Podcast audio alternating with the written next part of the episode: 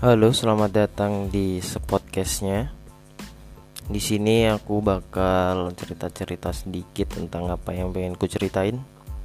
Lagi pula podcast ini juga aku bikin untuk aku belajar cerita ya. Soalnya aku kalau cerita itu orangnya nggak bisa detail, jadi kadang orang suka nggak paham. Makanya di sini aku uh, untuk ngelatih lah, ngelatih diri lah untuk ngomong oke. Okay?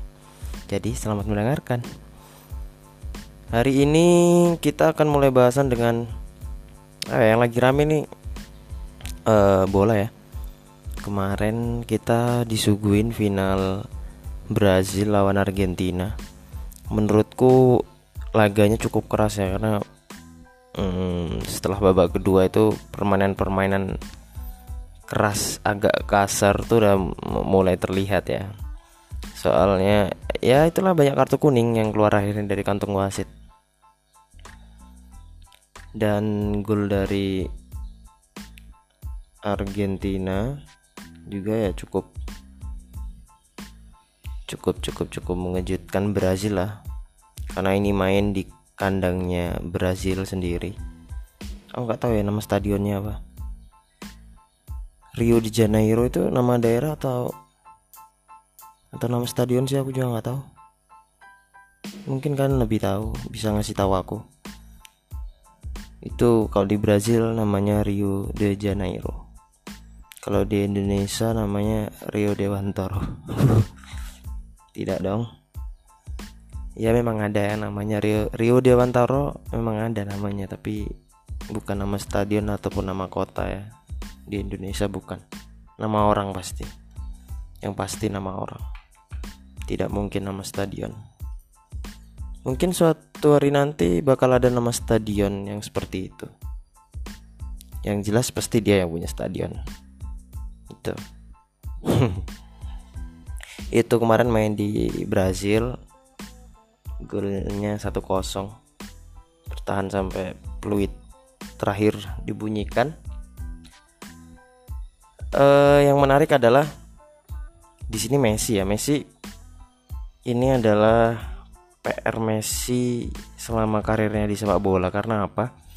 Messi itu ibaratnya pencapaiannya di negara itu masih nihil gitu loh. Maksudnya setiap kali final tuh runner up, runner up uh, ataupun cuma sampai perempat final jarang banget dia bantu tim atau negaranya itu meraih trofi di ajang internasional tuh belum belum pernah lah. Jadi kayak kayak ini tuh misi penuntasannya dan akhirnya tuntas gitu loh. Akhirnya Messi bisa bantu negaranya ng ngangkat trofi gitu kan. Soalnya dari pesaingnya sendiri kayak Cristiano Ronaldo itu udah udah duluan ngangkat 2016 uh, lain ini ya lain benua ya. Copa Euro eh Copa Euro lagi. Maksudnya trofi Euro. Ini si Messi akhirnya angkat trofi Copa America. Menarik sih.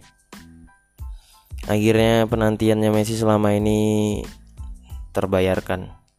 Dan dia menjadi kapten di negaranya eh, jadi kapten di tim negaranya timnasnya sendiri timnas Argentina. Neymar waktu final kalah kayaknya agak sedikit emosion emosionalnya itu maksudnya agak sedih lah ngeliat timnya kalah. Apalagi kalahnya di kandang sendiri karena finalnya di Brazil. Terus yang terbaru pagi ini tadi um,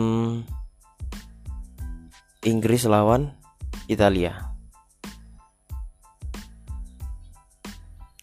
Sama ini main di kandangnya di Inggris kalau nggak salah ya Wembley. Wembley itu di Inggris ya sih? Ya aku kurang ngerti bola sih. Maksudnya aku suka nonton bola tapi aku bukan pengamat bola jadi Wembley itu kayaknya di di Inggris deh. Iya kayaknya di Inggris deh. Kalau di Indonesia Wembley. Ya kenapa harus kusamain sama Indonesia? Kalau di Indonesia yang jelas ya Jalak Harupat dong nggak mungkin Wembley Wembley itu ya kata-kata anak alay zaman tahun 2000-an itulah. Sekarang mana ada anak sekarang ngomong oh memble lo nggak ada. Menang melalui cukup cukup ini ya cukup cukup cepat ya golnya Inggris tuh. Menit kedua atau menit ketiga Luxa udah udah ngegolin itu. Sangat kaget lah Italia sampai pada akhirnya Italia baru bisa nyamain kedudukan di menit 70-an kayak melalui golnya Bonucci kalau nggak salah. Mm -mm. ya intinya bola ribon lah. Bola ribon dari kiper. Langsung dia di saut syah! Masuk akhirnya. Tuh uh, akhirnya lanjut extra time extra time juga nggak bisa membuahkan hasil masih belum. Terus adu penalti. Adu penalti akhirnya yang menang Italia. Dari pihak Italia dua nggak bisa ngegulin dari pihak Inggris tiga yang nggak bisa ngegulin dan tiga-tiganya ini adalah pemain yang sebenarnya baru masuk. Kayaknya memang udah disiapin pelatihnya untuk penendang penalti tapi malah nggak masuk. Itu sangat-sangat lucu sih. Itu beban mental juga kayak buat mereka. Dimasukin di menit extra time pergantiannya. Mereka masuk. Malah penendang tiga terakhirnya nggak ada yang ngegulin. Salut sih sama Donnarumma. Bisa ngehalau tiga tembakan walaupun dua sih yang sebenarnya dihalau sama dia. Yang satu kena tiang.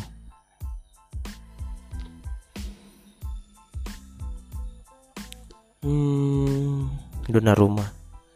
Emang bagus kiper kiper bagus dari Italia. Bagus.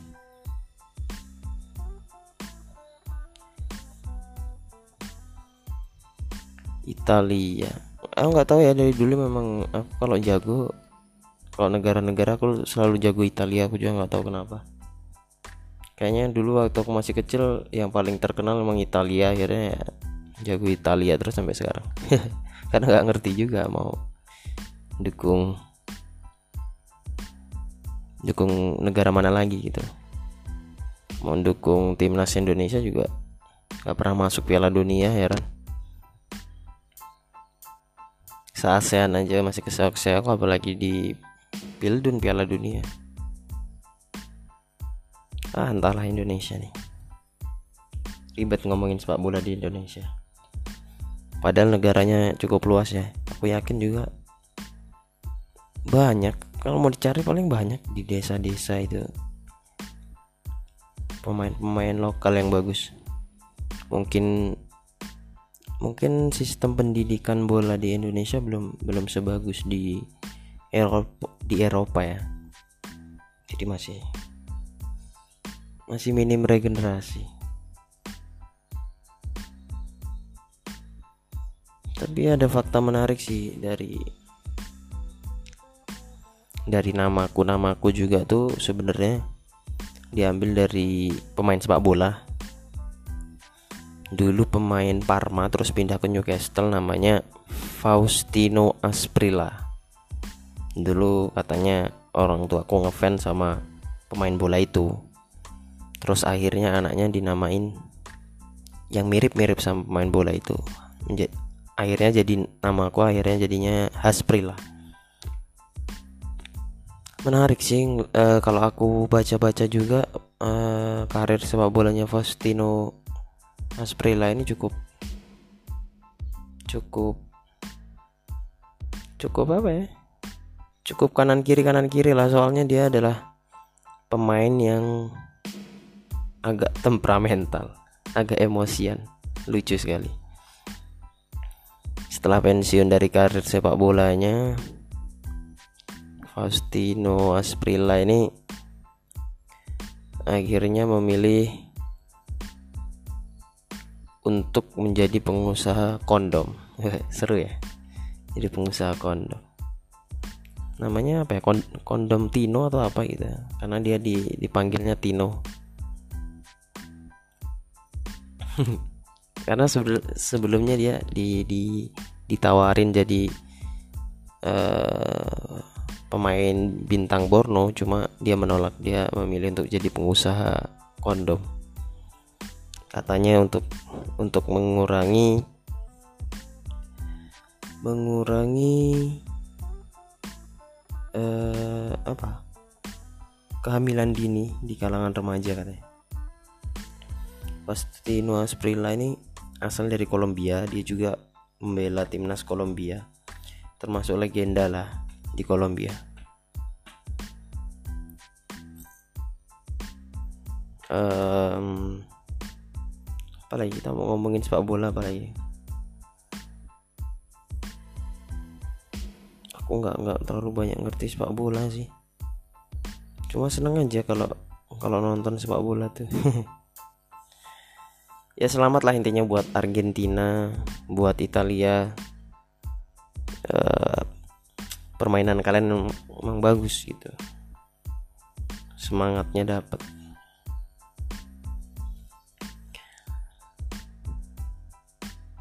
apa lagi? Kita mau bahas apa ya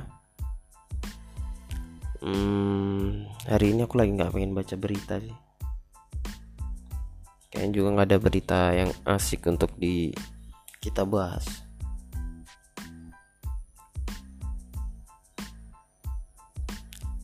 Sepak bola, sepak bola. Hmm. Oh iya, olahraga. Kalau kita lagi bahas olahraga juga kita lagi lagi ini menarik nih apa namanya kemarin habis main main event UFC Dustin Poirier ya lawan Conor McGregor.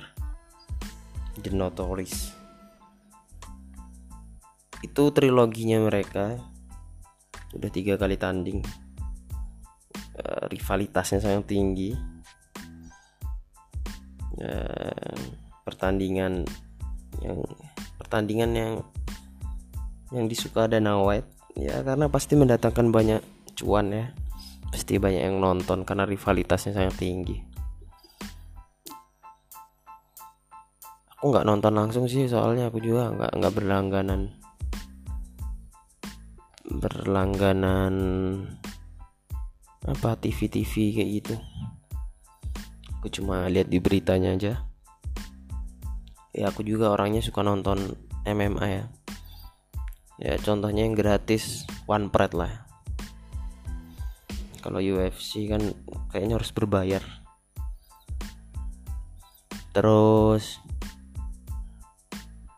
si Conor McGregor ini sempat uh, kalahnya karena kayaknya kaki kiri pada engkelnya patah nggak tahu momen aku nggak tahu ya momen di mana kapan dia itu nendang atau apa kok bisa patah. Soalnya uh, kelihatan patah tuh ketika dia habis nyerang Dustin Warrior nggak kena terus dia agak mundur kakinya langsung nekuk gitu engkelnya aku nggak tahu ya emang beneran patah atau kalau kata orang Jawa keceklek. Jadi kayak nekuk nggak sengaja gitu loh nggak konsentrasi akhirnya ketekuk nggak sengaja. Untuk ngilangin malu kan pura-pura patah jadi. Padahal cuma kecetit.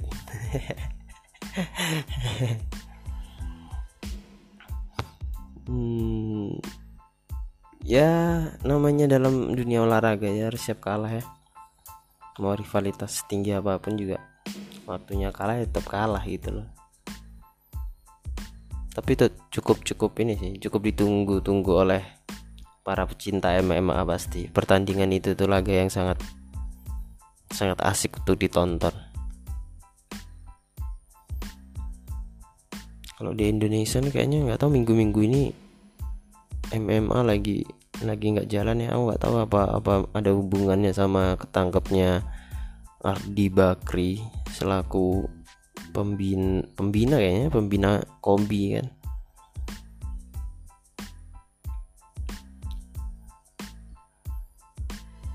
Hmm, bulu tangkis aku juga nggak terlalu ngikutin kayaknya. Sekarang bulu tangkis juga lagi lagi lagi sedikit ininya kompetisinya. Kayaknya kalau kita ngomongin di dunia ya kayak bulu tangkis lah yang bisa bikin Indonesia punya sedikit ada nama. Apalagi? Olahraga yang lain juga kayak mm, nggak mm, terlalu lah. Basket mm, belum. Tenis meja mm, nggak mm, ada. Ya tenis lantai apalagi?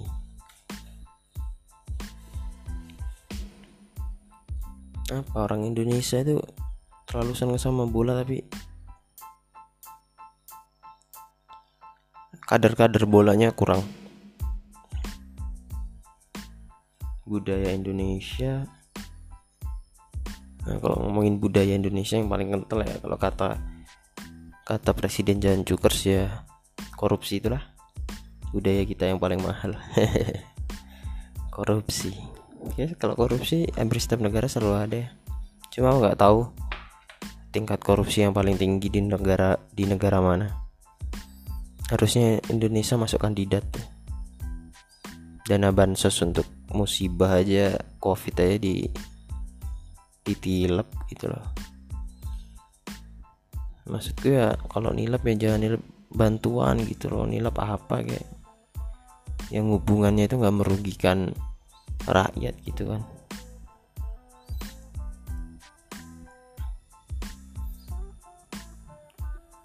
korupsi tapi memang orang Indonesia suka korupsi ya. Korupsi contohnya korupsi waktu. Orang Indonesia kan seneng banget ya korupsi waktu. Orang-orang yang selalu bilangnya OTW padahal mandi aja belum. Itu kan korupsi, korupsi waktu juga ya. Emang udah mendarah daging korupsi itu. Kita suka ngomong nggak suka. Aku nggak suka nih sama korupsi ini itu ini itu. Kalian pantas untuk dikumati tapi dirinya sendiri yang suka korupsi. Orang Indonesia. Apa? Ya orang-orang itu suka korupsi dari hal-hal kecil ya udah, udah udah sering banget. Terutama waktu-waktu itu udah hal yang lumrah buat orang Indonesia. Korupsi mungkin kalau aku sih nggak pernah ya tapi kalau ngelihat di YouTube YouTube katanya banyak juga anak-anak yang ngakunya buat bayar LKS padahal enggak. Ngomongin untuk bayar SPP padahal diambil duitnya sebagian. Kalau aku belum pernah ya. Aku kalau korupsi duit hmm, takut sih aku. Kayaknya belum pernah aku korupsi duit.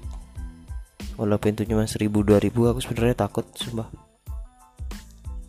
Tapi kalau korupsi waktu sering banget ya. Apa lagi? Korupsi apa lagi? Selain duit waktu.